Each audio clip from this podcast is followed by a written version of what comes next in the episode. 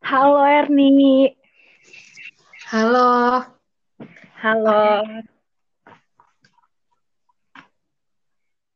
Oke guys, ketemu lagi di podcast Hanya Hana tanpa opening, tanpa basa-basi dan tanpa trala tralili, tanpa pembuka. Sekarang kita kedatangan bintang tamu yang jauh sekali dari kota Blitar. Namanya adalah Erni Budi Rahayu. Ye, gitu dong nih biar rame. Uhuh. ada passwordnya di gitunya ya. Password. Ya, sekarang kita udah tersambung podcast jarak jauh bersama Erni Budi Rahayu. Dia ini adalah seorang uh, feminis, seorang marhenis. Banyak ya kamu ya? Pacarnya Seun juga sih. Iya, pacarnya Seun, pacar halu, mohon maaf. Iya. Nah, Erni sekarang ada di Ada di Blitar. di Blitar. Sehat? So, Mbak Ana gimana? Aku sehat selalu. Di sana gimana? Keluarga sehat kan? Sehat sih. Di sini uh, apa ya? Keadaannya juga karena orang-orang uh, banyak yang nggak memenuhi protokol kan. Akhirnya jadinya uh, banyak yang apa ya mbak? Banyak yang kena juga akhirnya. Karena mereka masih jarang yang pakai masker. Kalau keluar keluar masih sering keluar rumah. Terus kalau habis dari luar kota masih masih nggak karantina kayak gitu. Jadi jadi nggak tertib ya? Iya jadi lebih nggak tertib sih kalau Jember sih masih sering ya kumpul-kumpul uh, Iya, tapi kalau misalnya acara-acara besar sih belum ada ya. Tapi kalau kayak masih mayoritas masih pakai masker sih. Masih pakai masker. Oke nih, tapi sekarang kita tuh nggak ngomongin soal corona or COVID-19. Tapi kita okay. ngomongin soal uh, Korean waves, weh. Jadi gelombang Korea yang nggak bisa juga. di apa ya? Nggak bisa menurutku nggak bisa diantisipasi gitu nggak sih masuk ke Indonesia gitu. Kita ngomong. Jadi guys, iya. btw bener-bener nggak bisa adalah K-popers ya. Dan... Iya, iya, Mbak Ana kan juga. Kita berdua adalah K-popers. Dan ini menurutku pasti orang-orang bakal apa sih ini nggak penting nggak oh, penting gitu. Pasti kayak gitu. Tapi tunggu dulu kita bakal banyak yang positifnya yang banyak iya kita kulik-kulik. Maksudnya kalau misalnya kalian mau menjat sesuatu seenggaknya kalian berusaha dulu untuk mengenalin itu gitu ya. Ya. Oke, jadi Erni ini K-popers. Uh, sebelumnya jelasin dulu dong nih, K-popers itu apa? uh, sebenarnya K-popers itu yeah. menurutku ya kalau K-popers itu dia um, seseorang yang menyukai budaya Korean Wave sendiri. Sebenarnya kalau dibilang K-popers itu cuma suka idolnya, kalau menurut aku uh, nggak juga karena kebanyakan yang pasti ngaku K-popers itu pasti mereka udah udah Korean Waves, maksudnya Korean Wave itu udah mati udah dari udah dari makanannya. Mereka udah mulai suka dari budaya-budayanya yang positif ternyata. Oh bisa aku bawa di kehidupan sehari-hari gitu. Terus juga idol-idolnya dramanya filmnya. Yang pokoknya mereka ngelihatnya uh, di Korea tuh positif gitu loh. Jadi cuma jangan dikira kalau pasti K-popers kita nggak cinta nah. sama tanah air karena banyak ya dulu itu nanti kita bilang ya, Ya nggak sih? Oke, okay, okay. Pelan-pelan, Bu. Ibu kayaknya kalau udah ini udah mm -hmm. membara ya. Oh, enggak, enggak, Bu. Oke, Bu. Santai, santai ya, Bu ya. Ya, jadi Erni K-popers udah dari umur Aku aku nggak tahu sih sebenarnya uh, dari umur berapa, cuma yang pasti waktu itu lagi ngehitsnya uh, full oh, house, tapi ya. aku nggak ngeliat full house. Tuh suka banget Full House. Terus setelah itu aku nggak nonton Full House-nya karena emang uh, apa sih ini? Kakakku kok suka nonton Full House. Terus setelah itu ada Boy Before yeah. Flower. Nah itu dulu kan ada si Kim Bum kan. Nah aku suka banget sama itu. Mulai dari situ kok uh, makin hari banyak majalah yang ada artis-artis K-popnya gitu loh kayak Suju baru suka Suju setelah itu uh, aku suka EXO EXO dari sampai EXO. sekarang hmm, iya sih kalau misalnya kalau aku dulu ya zaman zamannya enak tikis yeah. gitu kayak Ya bener bener bener. Kalau Mbak Ana suka apa Aku waktu sih, tapi kalau misalnya idol aku tuh lebih ke Tunewan. Soalnya dulu awal-awal kemunculannya mereka gimana ya kayak girl band terus Crush juga ya. bukan dance-nya doang yang keren, tapi juga suaranya bagus-bagus dan juga lagunya yang care. Itu kayak suntikan semangat. Iya. Dan konsepnya mereka itu bener-bener yang uh, bukan cewek yang lembut gitu loh dia nunjukin kalau yang yang kayak apa ya ketunewan konsepnya kayak keras gitu bisa kayak itu menarik tapi iya gitu. kalau biasanya kan misalnya kayak uh, Girls' Generation dan lainnya itu kan biasanya yang ini ya yang girly girly gitu hmm. yang feminin feminin gitu. Hadirlah tuh Newan gitu kayak mendobrak gitu. Iya benar benar benar. Aku juga sepakat terus dandanan dandanannya mereka juga dan video klip video klipnya mereka terkonsep. Jadi aku kayak keren banget nih beda dari yang lainnya pada waktu itu. Jadi aku mulai suka lagu-lagunya Tunewan gitu. Oh jadi Mbak Ana itu suka Tunewan dulu? Iya kalau idol ya. Idol itu pertama kali aku. Kalau kan biasanya kayak drama Korea doang. Nah, uh, dulu kan belum. Karena aku pikir kan kan pasti suka idol yang cowok gitu kan. Ternyata Mbak Ana dulu malah jatuh cintanya sama Iya, terus juga Suju sih. Suju itu hmm. ini sih yang aku pertama bergetar denger Suju itu pas ini Superman. Oh ya ya ya sama sih nah, sama. Itu kayak live-nya. Jadi aku ada ada acara di rumah, nah aku nggak suka kan. Akhirnya aku masuk ke kamar, terus buka TV, ternyata ada Trans 7 yang kayak ini live-nya Suju waktu itu inget banget waktu SD terus itu keren banget Superman. Sih. terus kayak um, Superman itu kayak wow itu kayak apa ini? Gitu kan. Terus akhirnya mulailah ya kan. Kalau dulu kan zamannya SD SMP tuh kayak terbatas gak sih akses untuk menjadi idol menurutku ya fasilitasnya itu. Dulu aja aku nonton aku tikis ya nih itu di Indosiar tau gak sih? Yang kayak iya ya. Aku nonton sih.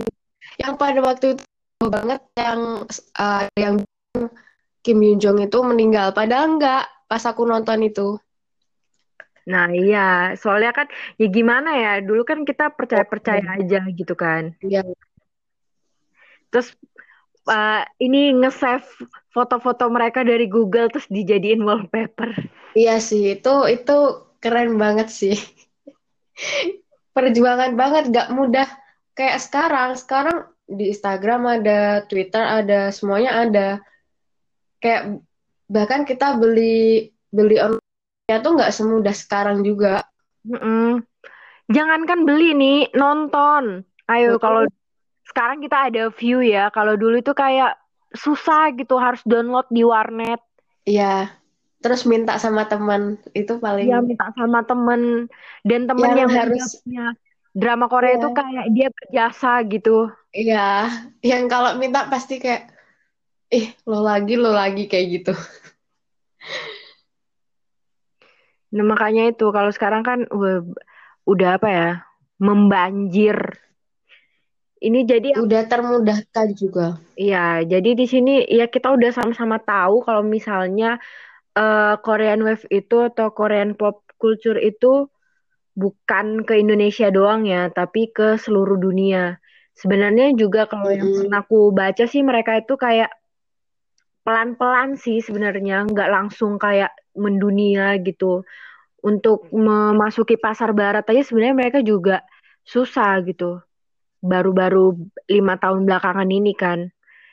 Sebenarnya kayak ini nggak sih kalau kita iya, Bollywood terus telenovela iya. tontonan ibu-ibu kita. uh, uh, hampir sama aja sih. Mereka butuh jangka waktu yang lama. Yang kupikir udah 10 tahunan lah mereka bangun itu dan kalau itu boom sekarang ya ya itu kayak ya itu perjuangan mereka gitu loh. Jadi pemerintahnya emang mereka support banget biar bisa boom dan akhirnya udah deh sekarang jadi karena itu yang namanya usaha nggak pasti nggak mengkhianati hasil kan kayak gitu sih menurutku.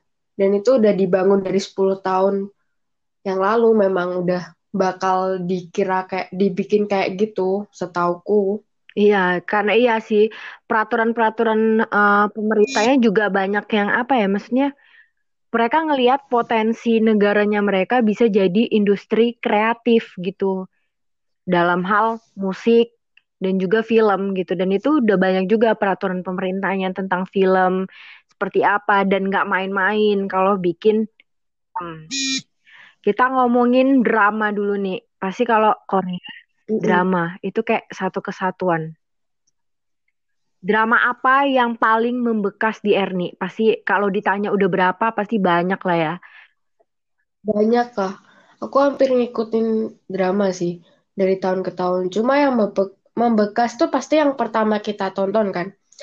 Boy Before Flower. wah itu ya sih. Itu bener-bener sebenarnya kalau orang liatnya versi cinta itu juga ada versi-versi yang dia uh, menyajikan bahwa di Korea itu masih uh, rawan bully bully kan yeah. itu si pemeran utamanya kayak gitu dan uh, ada masih ada kasta nih di sekolah kalau kamu kaya dan kalau kamu miskin itu itu ada perbedaan di situ jadi itu membekas sih karena yang pertama dan menurutku uh, disajikan dengan baik pada waktu itu ya yang yang tahun itu kan masih tahun-tahun apa ya masih kita muda banget gitu loh mbak. Belum secanggih sekarang. Tapi mereka bisa nyajiin drama yang kalau kita tonton berulang-ulang itu dia kita nggak bosen nonton Baby Flower itu. Udah aku tanyain sama teman-teman juga. Dan mereka bahkan nonton sampai tiga kali pun mereka nggak bosen gitu. Iya sih itu membekas. film-film lama ya gimana kalau aku sebenarnya hmm. banyak sih ya kayak Boys Boys Before Flowers terus ada My Say Seagull Chanyang terus Coffee Prince Winter Sonata itu banyak iya iya itu film-film lama ya yang kalau kita lihat latar-latarnya yeah. juga masih latar-latar Korea yang pada ya, yang lama oh. gitu. Tapi kalau yang paling membekas ya aku school sih. School. Ya, school 2015. 2015. Iya, soalnya itu apa ya? Ada ada aku lupa perannya itu ada satu guru yang perempuan itu loh nih. Satu guru perempuan yang dia ditugaskan jadi wali kelas anak-anak yang nakal gitu. Jadi itu konfliknya ya konflik-konflik anak sekolah gitu. Konfliknya ringan. Iya. Tapi emang kejadian dan masih relate gitu. Mungkin karena sama-sama Asia ya. Jadi gaya iya. sekolahnya, gaya pendidikannya masih lumayan sama gitu. Ada yang ambisius banget, ada yang ah ngapain sih sekolah gitu.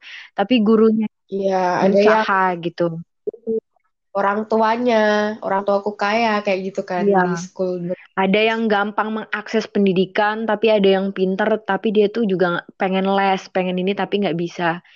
Dan di situ ya, ya. salut sama gurunya, guru yang perempuan itu dia itu kayak nggak menyerah buat melulukan hati uh, muridnya dan membuktikan kalau dia itu bisa gitu. Jadi kayak benar-benar apa ya? Kadang di kehidupan nyata kita juga ada yang kayak gitu sih, kayak orang-orang yang meremehkan kita gitu. Mm-mm. Itu iya sih banyak banyak yang suka juga karena uh, relate banget sama sekarang sih. Kalau yang pembulian itu school berapa? 13 ya? School 13. Okay. Tapi 15 juga kok. Iya, 15 juga ada bully, tapi kan kalau yang yang school 2013 itu kan kayak lebih ini kan, isu bullyingnya lebih ditampilkan. Iya, iya kalau terus juga ada Itaewon Class juara itu. Itu itu keren sih banyak temanku yang non K-popers lihat itu, setelah itu dia jadi suka drama drama ya. Korea. Jadi kayak apa? Ya, semboyan semua akan ngedrakor pada waktunya. Iya, semua bakal K-popers pada Iya, waktunya. itu itu trip kedua. Yang pertama kayak semua bakal ngedrakor pada waktunya. Iya, itu kelas Iya. juga juara sih tahun kelas itu apa ya semangatnya itu loh Seroy semangatnya Seroy untuk pokoknya aku nggak bisa stuck di sini. Yang dia bilang ke gebetannya aku mau buka toko di sini tapi 8 tahun lagi gitu. Terus si ceweknya kan ketawa kan apaan sih ini orang? Gitu kan. 8 tahun lagi? Iya, benar. 8 tahun lagi tapi surveinya ke sini surveinya sekarang gitu. Dan taunya pas 8 tahun lagi Aneh. dia beneran bikin toko. Itu keren sih. Dan alurnya tuh nggak ada yang bisa nebak sih. Iya, dan apa ya bener-bener gak instan gitu kesuksesannya. Terus ada Itu juga, bisa jadi motivasi juga. Itu terus webtoon juga, kan? Webtoon kan awalnya. ya awalnya webtoon. Terus ada ini loh apa namanya, kayak isu tentang LGBT, terus transgender juga di ada sih diselipin di kelas. Itu mata kita banget sih. Mm-mm. Ngerasa kan aku sendiri ya, aku nggak nggak menentang uh, transgender gitu, tapi karena itu kayaknya nggak ada di sekitaranku gitu, jadi aku nggak tahu gimana rasanya jadi dia gitu. Terus pas di film itu kita ngelihat bahwa nggak ada yang berubah dari dia selain dia transgender gitu, toh dia tetap menjadi orang yang baik gitu. Tapi kenapa nggak diterima sama masyarakat? Bahkan masyarakat sendiri nggak tahu gitu. Kenapa ya aku harus nggak nerima dia? Itu juga. Eh sama isu rasisme di bawah nggak sih di Taiwan Class? Rasisme sih. Iya sih waktu yang itu si itu pelayannya kan ada juga yang Yang orang Afrika. Korea waktu itu. Ya nggak yang orang Afrika itu. Dia Itu karena kulitnya hitam dan lain-lain gitu. Iya pada kenyataannya itu emang ada di Korea gitu. Itu, itu banyak banget sih kalau Mbak ngelihat apa ya variety show Hah? ada beberapa yang kayak dari orang negara asing itu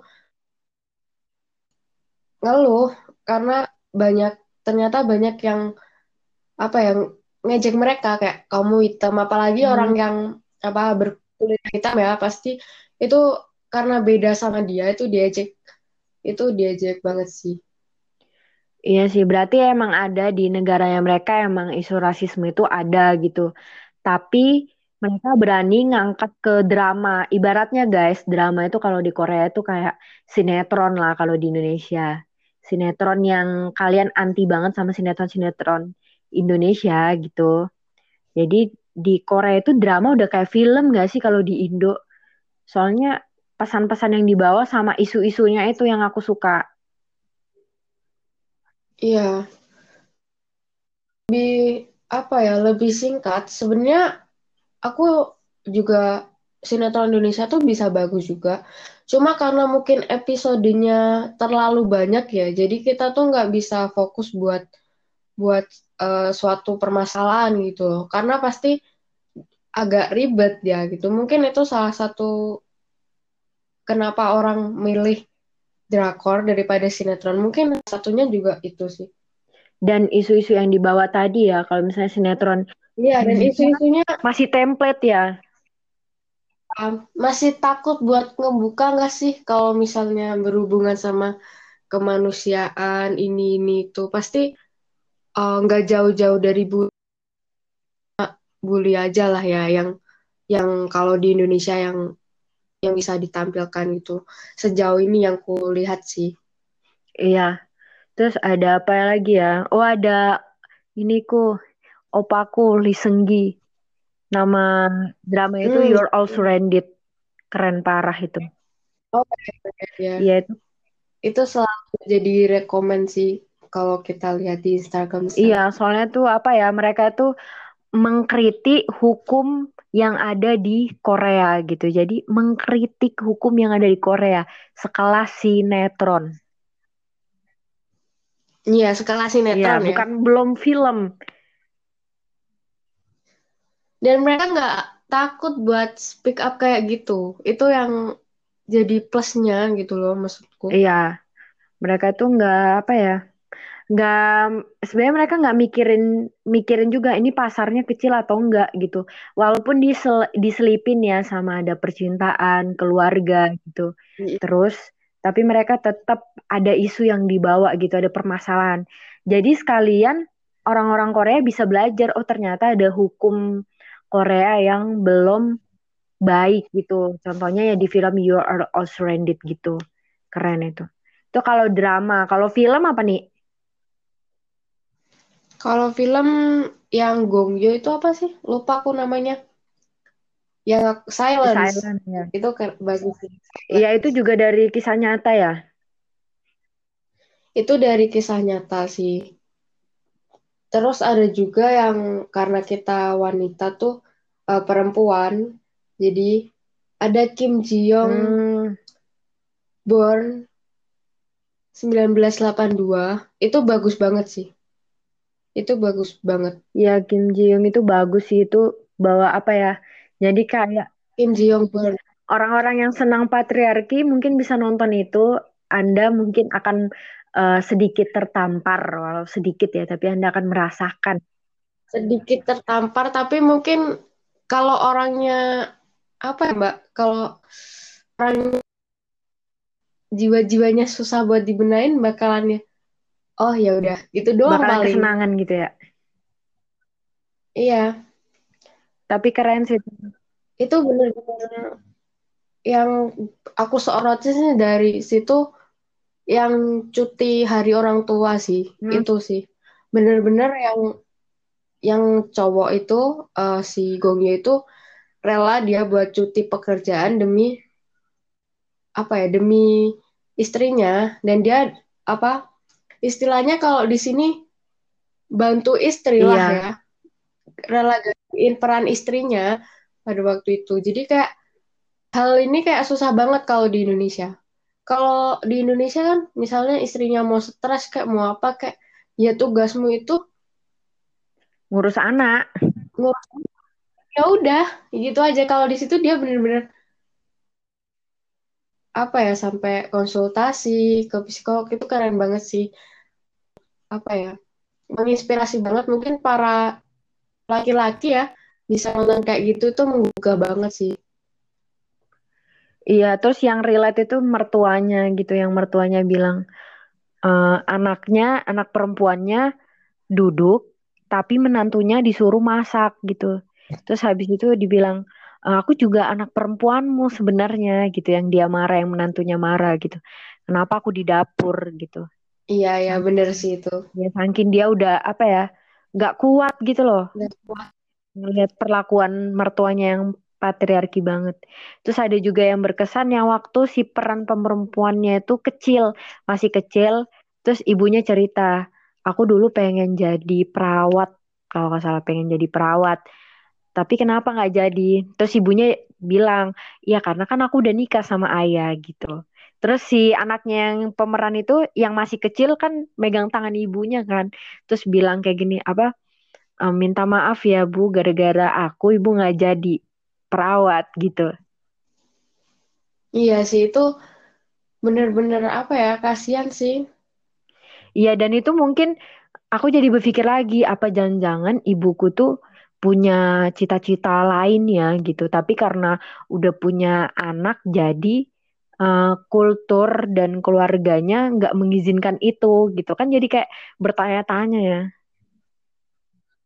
iya sih aku juga mikir kayak gitu sih apa jangan-jangan kayak gini jangan-jangan kayak gitu kayak apa ya kemungkinan juga karena kayak udah ngurus anak gitu jadi harus dikorbankan mimpinya juga emang. Jadi kayak eh, buat kita bener-bener tersentuh sih film itu. Iya itu recommended sih. cuma emang agak susah nggak sih Mbak menurut Mbak nonton kayak film kayak gitu? Karena emang alurnya agak sedikit apa ya sedikit susah lah. Mungkin buat yang pertama nonton film genre kayak gitu ya itu agak sedikit susah sih buat memahaminya harus dua kali lah nonton baru baru paham. Iya memang ada part-part yang kenapa bisa gini, kenapa bisa gini. Tapi karena masih sama-sama di Asia, aku ngerasa ada beberapa yang relate. Contohnya kayak ibu mertua itu, terus yang kalau udah punya udah punya anak, jadi banyak mimpi kita juga yang kayak terhalang. Contohnya cita-cita gitu. Iya benar-benar itu sih benar. Itu masih relate. Terus juga aku lupa Denny film apa yang yang tentang Korea pertama kali uh, mendeklarasikan dirinya sebagai uh, negara yang demokrasi. Itu yang Mbak tonton itu lupa aku, tapi yang 1981 yang... kayaknya. Iya, iya, iya, ya. yang itu. Itu 1981 itu kalau misalnya di Indonesia kayak film 1998. Iya benar sih, hampir sama sih. Tapi sama di jalan ceritanya kayak mahasiswa turun gitu. Cuman kalau misalnya lebih dalamnya lagi itu ada di 1981 gitu. Jadi ngerasain gimana sih mahasiswa itu dibungkam gitu.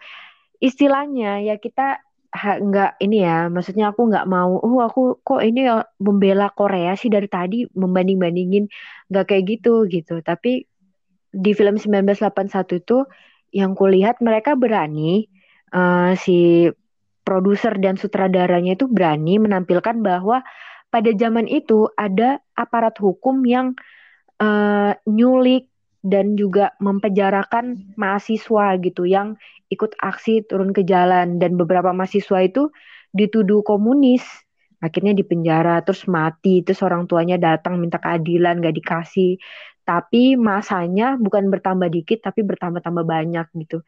Jadi benar-benar apa ya? Realnya lah kayak gitu gitu. Kalau di sini kan kita mau yeah. mengkritik uh, organ-organ atau badan tertentu agak gimana gitu ya. Agak susah iya, ya. bahkan di film 98 kan juga kita bingung gitu arahnya ini gimana sebenarnya. Iya, banyak banyak yang buat mikir mas iya, ya. kritiknya nanggung kalau menurutku ya sebagai penikmat film. Aku juga sih kayak ada hal-hal yang masih nggak clear, nggak paham kok gini kok gini ya sih. Iya nggak clear. Terus yang benar-benar film terbaru Parasite. Hmm, itu sampai mendunia ya, sih. Menurutmu gimana nih Parasite? Aku sih, kalau aku emang nggak terduga sih. Filmnya tuh lebih dia nggak terduga. Kayak, tapi bener-bener apa ya? Kayak aneh aja pertama aku lihat film. Kok genrenya agak aneh. Terus mereka uh, apa ya? Istilahnya satu keluarga ini bohongin orang kayak gitu demi intinya dia mau kehidupan yang lebih layak lah ya. Mm -hmm dan tapi ternyata ya tapi ternyata banyak banget di situ yang mereka juga nggak ketahuin ternyata dan pertentangan kelasnya itu kelihatan Jun iya kental banget sih jadi antara orang miskin dan orang kaya gimana susahnya orang miskin udah di udah apa ya harus jadi pembunuh terus rumahnya kebanjiran lagi pulang itu kayak sialnya tiga kali lipat. Iya sih, ya berkali-kali gitu. Tapi berani sih mereka kayak menampilkan apa ya pertentangan kelas kayak gitu. Aku iya sih salut banget. Gak heran sih banyak penghargaannya karena menurutku emang uh, buat kita sadar bahwa pertentangan kelas tuh ada walaupun di negara iya pun ya negara maju kayak Korea gitu. Yang aku Dan, pikir udah nggak ada lah ya. Aku mikirnya kalau negara maju tuh nggak ada kayak gitu, nggak seburuk kayak gitu loh. Ternyata di film itu uh, mengisahkan ini loh gitu. Jadi ada yang ada yang buruk juga sisi buruknya juga. Yang ada sisi yang bisa kita ambil dari situ. Jadi relate juga ya ke Indo. Relate sih sebenarnya kan banyak banyak sih. Sinetron sinetron Indonesia kan juga sering nisain kayak buat apa ya kayak jadi apa ya pembohong kayak gitu loh mbak. Iya. maksudnya si miskin dan si kaya gitu dan si kaya dia biar kaya dia ngelakuin semua cara. Tapi kurang mendalam gitu aja sih bedanya. Ya kurang mendalam sih. Keren sih produsernya itu eh sutradaranya itu. Dan ini pemeran-pemeran pun juga nggak nanggung-nanggung gitu aktingnya. Iya iya. Bener-bener yang udah tiap hari kali di di itu di di drama film-film bagus. Jadi emang mereka bener-bener berkualitas sih milihnya. Iya. Dan teman-temanku yang uh, maksudnya nggak ngikutin drama Korea tapi pas nonton uh, Parasite mereka bilang salut sih. Nggak ketebak banget kalau teman-teman kok nggak ketebak banget ya? Kok akhirnya ini ininya gini kayak gitu. Lebih kita yang excited gitu loh apa ya apa ya nanti apa ya selanjutnya mau yang dilakuin apa gitu loh kalau film apa lagi nih film sih sebenarnya driver juga itu juga bagus sih Iya, terus film yang tentang buruh perempuan itu juga di supermarket. Oh iya. Nonton yang... berdua. Yang pemeran Dio EXO bukan sih? Iya. Iya, yang Dio EXO di situ jadi itu. Jadi itu anaknya ya. Iya, banyak sih. Ya musik juga di Korea udah masuk ke Indonesia gitu. Musik udah dari dulu sih sampai uh, 10 tahun yang lalu kita juga nyadur kayak boy band and girl band itu membanjiri musik Indonesia. Ada Smash, itu bener. Cherry Bell. Iya, iya. Cherry Bell, Smash. Menurutmu gimana nih musik Korea? Sebenarnya kalau aku tuh emang dari kecil suka musik karena keluarga aku kan emang uh, musisi semua gitu. Cuma dari Korea tuh ada satu hal sih mbak yang dari sama orang tua kita tuh apa? Musik itu bahasa. Jadi aku tuh kadang nyanyi bahasa Jepang juga terus bahasa Inggris. Jadi bener-bener kalau kita jatuh cinta sama lagu itu bukan karena bahasanya. Jadi dari situ sih aku lebih suka Korea itu. Jadi aku nggak nggak bakal ngeliat mau bahasanya jelek. Pokoknya itu enak didengerin. Itu yang pertama. Terus yang kedua, oh sebenarnya kalau anak-anak zaman saat ini ya, zaman zaman ini itu uh, suka idol.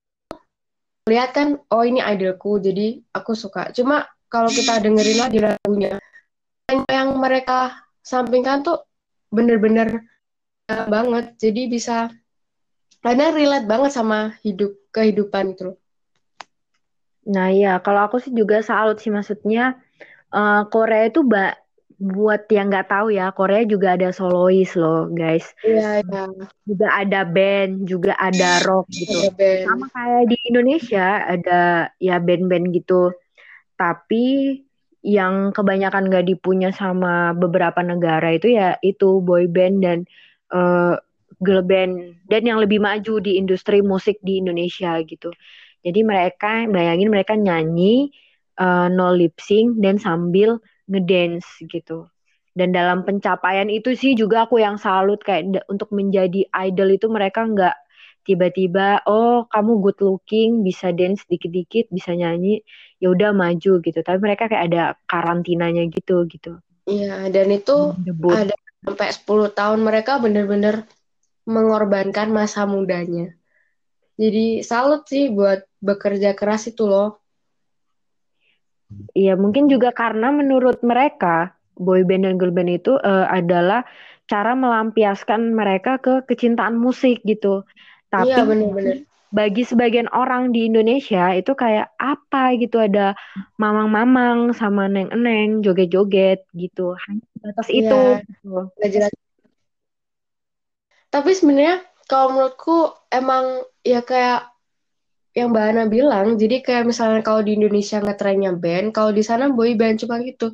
Cuma bukan berarti di sana itu nggak ada band. Ada kok yang lagi booming banget sekarang Daisy. Eh. Terus ada solois. Solois banyak banget solois. di sana yang menurut Iya, solois yang lagu-lagu galau-galau itu juga ada gitu. Jadi kayak hampir sama sih sebenarnya cuma karena mungkin ngelihatnya lebih banyak fans-fansnya dari idol ya. Jadi maksudnya idol yang boy band gitu. Jadi lebih mungkin mereka ngelihatnya tuh yang itu doang. Padahal banyak banget. Aku sering share banget ke teman-temanku yang solois-solois yang aku suka gitu.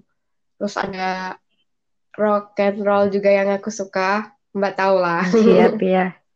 Nyanyiin dikit dong nih. Nyanyiin dikit lagunya. Lagunya siapa? Terserah dia, lagu Korea yang ini yang paling kamu senengin. Aku lagi suka lagunya itu sih. Paul Kim yang Me After You. Itu solois. Coba coba. No yo tamyo otakut kata 이런 미친 애들이 내 하루가 내가 말야 너도 나만큼 혼자 udah itu tadi mana mana coba mana lagu yang oh, itu tadi lagu-lagu Korea gitu iya iya dan iya, iya. benar cuy mendunia. Jadi mereka kalau tur di mana aja, bukan Asia aja, tapi menembus mendunia uh, barat gitu ya. Maksudnya barat kan kalau itu apa sih? Korea itu kebanyakan musik elektro nggak sih? Pasti Iya. EDM ya, EDM. EDM. kalau barat kan kebanyakan ya ya yang band-bandan gitu. Tapi kenapa bisa uh, menebus gitu men perbaratan gitu. Ternyata ya me karena mereka serius menurutku sih ya. Selain lagu-lagunya enak karena mereka juga serius. Jadi nggak packaging mukanya doang gitu. Iya sih. Dan sebenarnya uh, kalau aku ngelihatnya jadi non K-pop uh, non K-popers dulu itu pasti ngelihatnya musiknya dulu karena nggak mungkin ngelihat wajahnya. Pasti ngebedainnya susah ya, kan rata-rata orang-orang awam ya, jadi gitu. pasti ngeliat musik.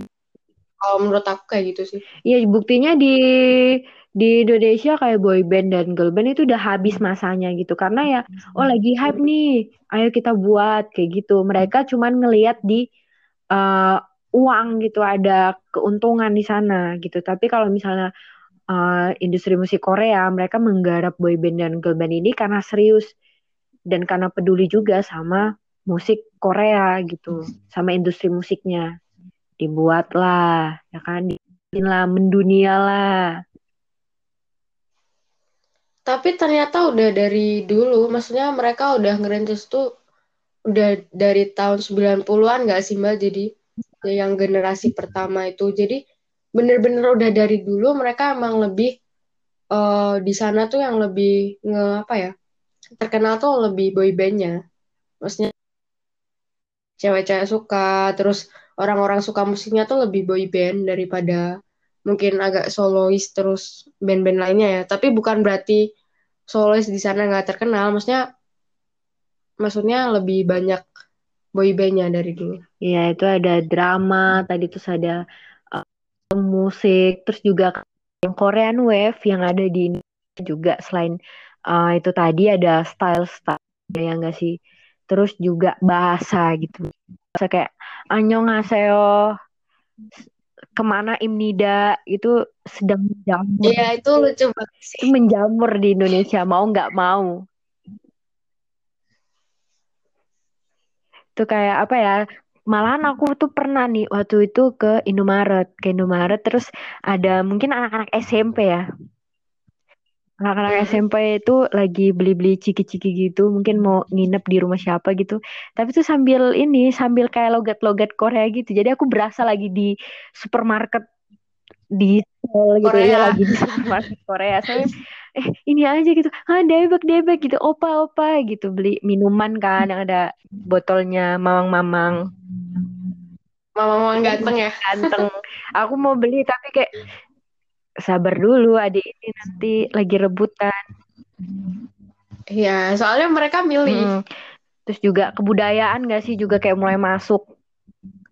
Kebudayaan maksudnya apa ya? Kayak orang Indonesia udah juga banyak yang aku pribadi juga sih kayak penasaran jadinya mau nggak mau jadi penasaran sama budaya Korea itu gimana sih gitu.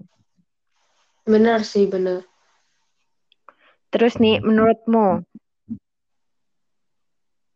gimana dengan stigma orang-orang? Kamu sebagai seorang K-popers, uh, gimana tanggapanmu ketika orang-orang bilang, ih dasar Eni nggak nasionalis banget sih. Ininya Korea-Korea, ih masa K-popers? Indonesia dong, cintai produk-produk lokal gitu. Kamu gimana mendengar itu semua? Aku sih udah banyak denger sih. Coba sebenarnya kayak aku nggak pernah mikir kayak gitu gitu loh. Jadi walaupun aku suka suka Korea kita masih suka sama cowok lokal juga terus masih bahkan kalau misalnya nonton konser itu mbak setauku hmm. harus nyanyi lagu Indonesia Raya dulu kan juga. Dan itu uh, waktu aku kecil juga walaupun aku suka Korea maksudnya udah dari SMP aku tetap apa ya maksudnya um, kalau nggak cinta Indonesia aneh aja. Soalnya aku makan juga lebih condong makanan Indonesia. Terus pokoknya uh, waktu itu jadi osis gitu aku juga waktu itu nggak mengisyaratkan buat uh, eh, SMP ku tuh pakai bahasa Korea ya buktinya. Aku malah justru gimana kalau hari Sabtu ini kita buat pakai bahasa Jawa gitu? Bisa uh, berbahasa Jawa bisa lancar kayak gitu loh. Jadi kalau dibilang gak cinta Korea aneh juga selama ini uh, ketika aku jadi osis pun program program waktu itu yang ku bawakan juga um, masih relatable sama apa uh, Indo gitu Indonesia gitu. Maksudnya kita harus cinta sama negara kita kan gitu. Jadi kayak kalau dibilang gitu aku pengen nunjukin mana gitu loh mana yang Ising nasionalisnya dari mana gitu ya. Aku Soalnya pada waktu itu aku juga nggak buktinya ya, dan aku nggak pernah maksa orang buat suka sama K-pop. Aku nggak pernah maksa, dan aku nggak pernah ngomong kalau ngomong tentang K-pop kalau orang itu juga nggak nggak pernah memaksakan kehendak ya, gitu ya. Yang mancing-mancing duluan kan mereka biasanya kayak karena ngerti suka K-pop.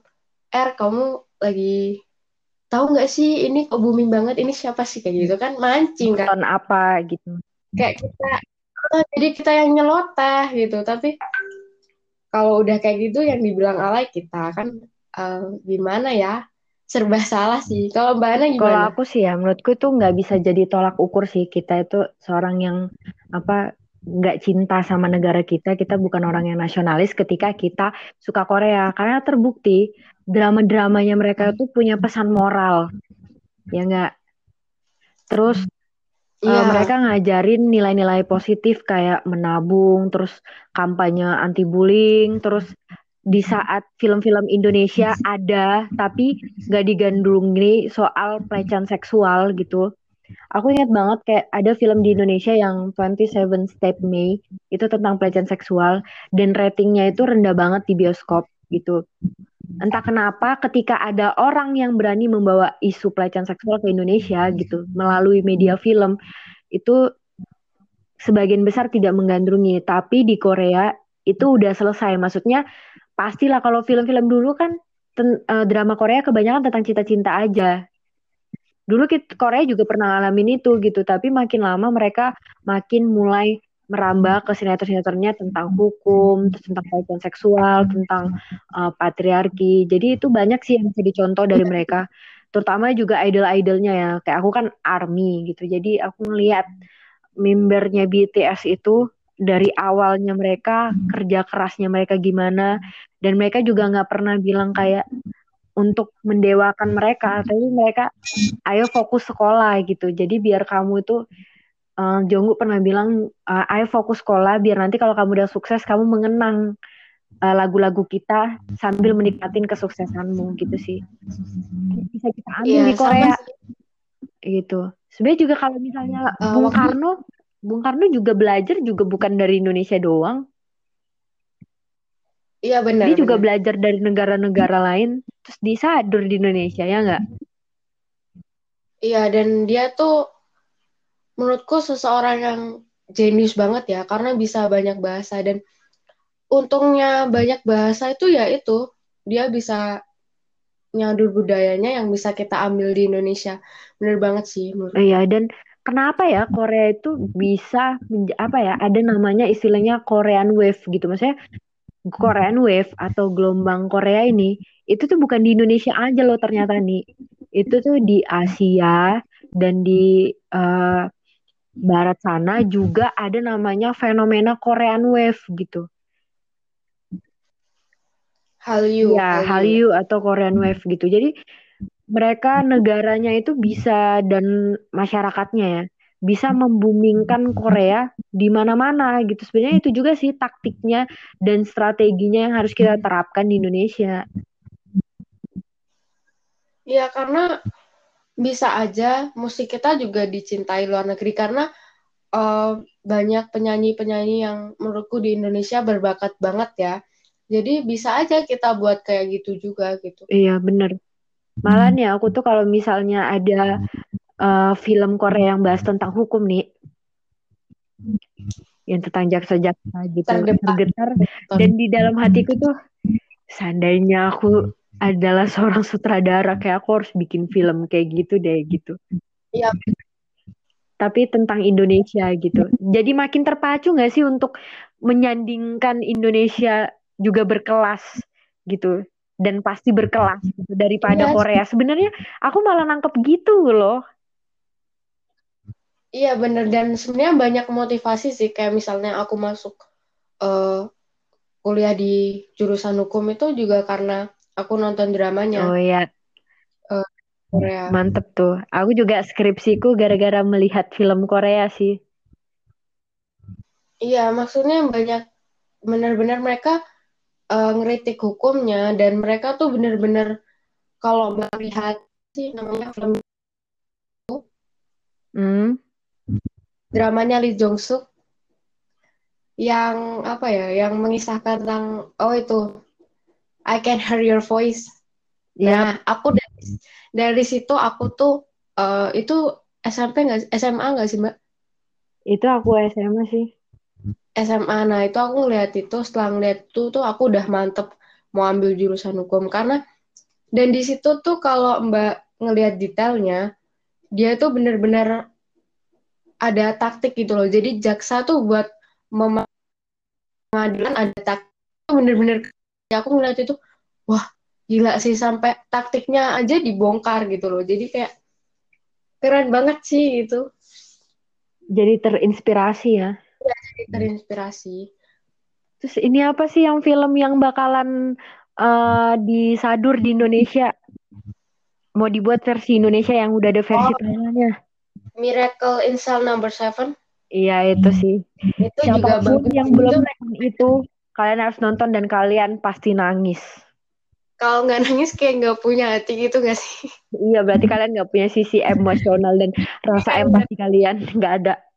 Soalnya teman-temanku cowok, ku tantang nonton itu, walaupun mereka kayak nggak memperhatikan gitu, tapi mereka nangis semua. Jadi aku kayak, wah gila sih ini bener-bener filmnya tuh jarang ada film yang bikin kita nangis gitu loh. Mau yang nonton cewek atau perempuan. Soalnya kalau di Indonesia kan ada kan film-film yang bikin nangis gitu. Tapi cowok itu biasanya nggak tersentuh gitu loh maksudnya. Mm-hmm. Masih wow, tapi ngelihat Miracle in Cell Number Seven itu teman-temanku kok pada nangis ya gitu. Jadi kayak aku ngerasa itu keren banget sih, menggugah hati banget kayak dalam banget sih pesannya. Iya, dan itu juga ada ini ya isu kayak misalnya siapa yang kuat sebenarnya itu juga menang gitu. Iya benar. Ketidakadilan hukum juga ditampilin sih di situ. Dan apa kaum ayahnya itu kan apa sih mbak dia kayak yang kena sindrom gitu juga ya. Gitu loh kayak dia kayak Iya, kayak kena sindrom gitu. Jadi bener-bener udah dia kayak gitu miskin pula dan ya udah gampang banget buat uh, apa ya bikin dia jadi seseorang yang salah gitu loh iya, di mata semua ya di gampang banget buat orang yang kayak gitu ditindas gitu Keren. aku pengen banget uh, buat film-film yang dari bener-bener kaum difabel kayak gitu loh yang dari itu kayak Korea gitu kan dia mengangkat film dari apa ya maksudnya orang-orang yang berkebutuhan khusus gitu tapi bisa mengharukan gitu loh jadi jadinya tuh ngena iya banyak ada isu mental illness juga mental health juga iya. dibawa sekarang lagi booming boomingnya kayak gitu sih menurutku dramanya juga lagi booming booming kayak gitu yang hmm. isu-isu isu-isu sekarang maksudnya patriarki, mental illness kayak gitu lagi booming-booming dibahas. Jadi nggak sekedar apa ya menampilkan ini loh film dengan aktor dan aktris kesayangan kalian gitu, tapi juga ada nilai-nilai moralnya yang bisa diambil. Sebenarnya uh, kalau Mbak ada variety show nih Mbak, aku mau rekomenin buat um, buat Mbak juga buat semuanya itu Hello Counselor. Jadi dia tuh ceritanya tentang orang-orang yang punya masalah gitu. Jadi itu diselesaikan ke TV-nya itu, di TV-nya itu di salah satu tele televisi di sana. Jadi itu diselesaikan dan di sana tuh banyak orang orang-orang tuh udah tahu uh, patriarki. Hmm. Jadi kayak misalnya suaminya nih patriarki nih, terus dibawa aku udah nggak kuat soalnya suamiku patriarki dijelasin seginya patriarki apa aja sih ada yang sampai ngomong dia adalah seorang raja laki-laki itu raja perempuan itu budak. Kayak gitu mbak. Bener-bener di sana tuh budaya patriarkinya kental. Tapi yang aku salut adalah uh, banyak orang di sana yang udah tahu patriarki. Soalnya aku di sini aja ini ya ini ceritaku pribadi. Jadi banyak teman-temanku yang juga mahasiswa tapi, dia pas ku tanya eh sekarang kok patriarki makin merajalela ya? Aku bilang gitu dia nggak tahu patriarki apa. Ini ini cuma sekedar patriarki ya bukan bukan bukan isu-isu yang lebih gitu cuma patriarki aja mereka nggak tahu istilah itu apa jadi bagiku udah bener-bener um, kita harus juga budayain buat apa ya benar-benar speak up gitu kayak di sana. Mungkin bisa juga variety variety show di sini juga kayak gitu. Cuma harus dibuat apa ya lebih benar-benar gitu loh. Karena ba masih banyak gimmicknya walaupun masih banyak yang diubah-ubah. Kalau di sana benar-benar nyatanya itu kayak gimana ya disampaikan. Jadi suaminya tuh cuma misalnya suaminya tuh cuma apa ya nganggap perempuan itu sebagai budak itu benar-benar ada banget. Aku nangis sih karena karena bener-bener dia ngomong di seluruh orang yang nonton televisi di Korea pasti tahu gitu. Maksudnya dia ngomong kalau ya itu perempuan itu cuma jadi budaknya laki-laki bener-bener kayak gitu. Jadi kayak dan itu sih yang paling paling jadi judulnya tuh waktu itu uh, apa suamiku sangat patriarki terus aku buka kan wah ternyata curhatan hati seorang istri ya kayak ya, gitu. harus nonton nih aku harus nonton. Nih iya banyak banget. Dan itu nggak hanya satu itu mbak. Ternyata banyak jadi mulai ada kayak ada orang bule yang datang di situ karena rasisme ada waktu itu idol mm -hmm. uh, Daniel BTOB mm -hmm. tahu kan dia itu uh, rambutnya itu kan nggak tahu ya kenapa waktu itu pokoknya permasalahan dia tuh selalu diejek-ejek gitu loh, hmm. diejek-ejek karena rambutnya, tapi kan rambutnya gundul tuh, tapi dia tuh nggak nganggep itu bercanda gitu, kadang tuh masuk hati, dia sampai speak up kayak gitu di salah satu reality show itu. Jadi bukan bukan setting-settingan gitu ya, tapi masalahnya benar real. Iya, dan, dan itu. Iya, dan bener-bener kalau misalnya curahan orang tua nih kayak misalnya punya anak idol terus itu ternyata ada yang lebih parah mbak mereka tuh sampai nggak naik kelas dan itu um, itu yang salah satu episode. Jadi itu dia fansnya salah satu idol. Dia tuh ngefans jadi fansite hmm. gitulah dan sampai nggak naik kelas. Saking fanatiknya ya. Saking fanatiknya. Dan itu yang lapor kalau nggak salah temennya sih. Karena dia nggak pernah ngeliat si temennya itu di kelas. Jadi temennya tuh speak up di situ. Akhirnya ketemu. Permasalahannya akhirnya selesai di situ sih keren banget sih maksudnya mereka bener-bener berani ditayangin di televisi gitu dan ya bener serius ya sebenarnya setiap budaya itu menurutku juga ada sisi baiknya dan ada sisi buruknya gitu jadi waktu aku dan Erni nih guys, kami berdua ini adalah seorang K-popers gitu. Jadi dari musik uh, juga menikmati drama dan film-filmnya, terus juga belajar budayaannya. Bahkan aku ya, aku sesekali juga uh, belajar gimana sih hukum di Korea kayak gitu. Jadi baca-baca jurnal dan skripsi-skripsi mahasiswa di sana. Sebenarnya ada yang bisa diambil dan ada yang nggak usah ditiru juga gitu. Ya tergantung kitanya, pribadinya kita yang nggak nih buat kayak ya. mila-mila gitu ambil positifnya. Sebenarnya sama aja kayak kita nonton Bollywood gitu kayak hmm. Hollywood atau film India juga itu kayak hampir sama gitu. Ya sih menurutku apa yang bisa kita ambil uh, kalau itu berguna buat kita buat negara kita ya juga nggak apa-apa gitu. Gitu loh. Bung Karno juga baca buku-buku taktiknya Cina buat diinin ke Indonesia ya enggak? Ya bener banget. Jadi menurutku kita terlalu takut aja buat membuka diri. Jadi nih uh, dengan masuknya Hallyu atau Korean Wave itu ternyata terbukti ya sama sekali tidak uh, merusak kamu sebagai anak bangsa Indonesia gitu. Apalagi membuat kamu jadi tidak cinta budaya Indonesia. Benar? Benar. Nah, gitu guys, terbukti. Coba nih kasih dong apa kata-kata terakhir dalam podcast ini. Kata-kata terakhir buat eh, orang-orang uh, yang tidak atau yang apa ya yang fanatik membenci lah yang anti banget sama K-popers gitu. Padahal kadang juga kita nggak tahu ya salahnya kita itu apa gitu. Kasih dong kata-kata buat mereka. Uh, sebenarnya kayak dalam hati banget ya kita tuh uh, bukan seorang yang yang nggak cinta Indonesia itu pertama karena aku cinta banget sama Indonesia Terus uh, banyak hal yang positif yang kalian bisa dapat uh, dari apa ya dari budaya-budaya yang kita pelajarin gitu. Misalnya kita jadi pu jadi punya banyak teman, terus punya pribadi yang mandiri pasti itu. Terus juga kita bisa banyak belajar bahasa dari situ karena subtitle pasti dari bahasa Inggris dan lain-lain ya. gitu. Jadi banyak hal positif yang bisa kalian dapat. Jadi jangan uh, merendahkan orang lain. Kita punya hal yang kita jadi ya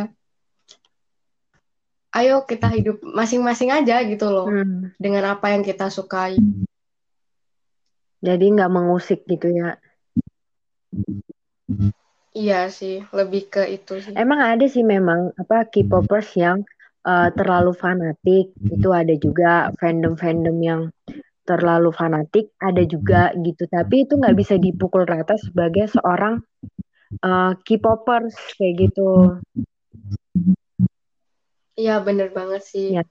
karena aku juga um, selama jadi K-popers ini aku nggak uh, ngelihat cuma seneng-seneng aja sih. Karena banyak hal yang apa ya banyak budaya mereka dari idol mereka yang bisa kalau idol udah sukses tuh biasanya dia malah lebih rendah hati kayak gitu. Dan banyak hal sih yang kayak gitu.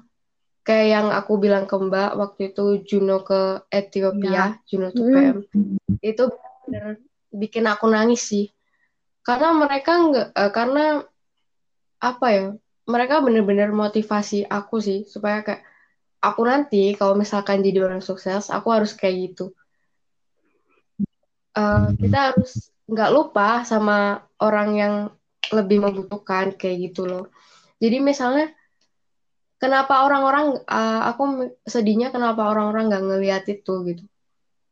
Iya karena ya gimana ya Ya itu tadi sih jangan membenci karena ya memang gak suka aja gitu. Tapi sebelum kalian ngejudge kalian juga harus cari tahu gitu. Karena biar nggak kebiasaan maksudnya kebiasaan oh aku nggak suka ini udah aku benci dia dan aku nggak mau cari tahu gitu. Terus aku benci golongan ini oh iya aku nggak mau cari tahu kayak gitu. Akhirnya jadi orang yang asal membenci gitu. Bener banget. Berlaku untuk semua ya nah jadi gitu guys walaupun Korean Wave itu sudah ada di Indonesia, tapi kami tetap ya anak bangsa gitu, tetap anak yang cinta sama budayanya Indonesia gitu. Kenapa ya? Karena kami dari Indonesia dan tinggal di Indonesia gitu.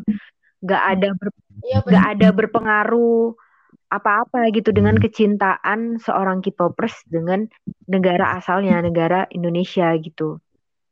Right nih? Aku juga belajar musik Jawa kayak gitu. Jadi kayak oh, iya. nggak ada nggak ada hubungannya sama K-pop sama gak cinta negara kayak gitu sih itu mungkin ya walaupun yang Hallyu itu nggak bisa ditolak karena memang kita masuk di globalisasi gitu jadi semua orang bisa mengakses uh, musik drama dan kebudayaan dari negara-negara lain gitu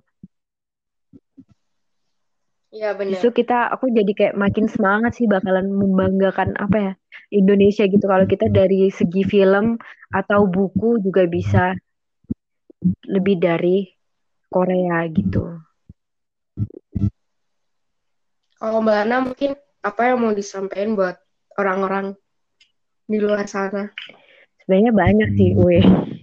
Enggak, enggak. Cuman uh, benang merahnya adalah semoga uh, sobat eh kawan-kawan yang nonton hanya Hana siapa pun kalian yang nonton yang tadinya head K-popers atau yang bukan K-popers atau yang K-popers gitu tahu gitu bahwa menjadi K-popers itu tidak ada hubungannya dengan uh, membenci negara asalnya gitu atau tidak mencintai lagi negara asalnya gitu. Itu nggak ada korelasinya. Malahan kita bisa mengambil nilai-nilai baik, nilai-nilai positif ataupun pelajaran apa pun dari kebudayaannya mereka, terus kita uh, compare dengan kebudayaannya kebudayaannya kita gitu. Dan mana yang bisa kita ambil kayak gitu. Atau banyak pelajaran mana yang bisa kita ambil buat paling kecil kehidupan kita. Beneran ada deh kayak film-film yang ini buat semangat hidup gitu. Paling kecil untuk kehidupan kita gitu. Nggak usah dia ngomongin negara gitu.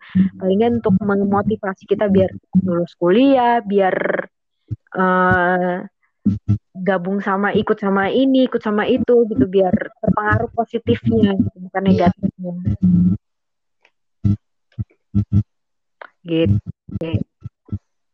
jadi itu guys, obrolan dua K-popers dan curahan isi hati K-popers di podcast hanya hanya kali ini. Mungkin uh, di next podcast kita bisa bahas-bahas apa gitu ya nih ya selain K-popers. Boleh lah. Selain Hallyu, kita bisa bahas apa ini yang keren nih? Hallyu mungkin kekerasan seksual bisa. Bisa. Ya, jadi oh, ini ya patriarki aja sih yang kira-kira teman-teman ini masih belum belum tahu gitu loh. Nah iya itu karena ini podcastnya memang nggak serius-serius banget gitu dan bahasannya juga nggak mesti yang uh, gede-gede gitu nih. Jadi kita dari sesuatu yang kecil. Dari sesuatu yang kecil. Hingga nanti menjadi besar. Ya. Oke Erni terima kasih sudah mau bincang ke Hanya Hana. Semoga nggak kapok lagi ya.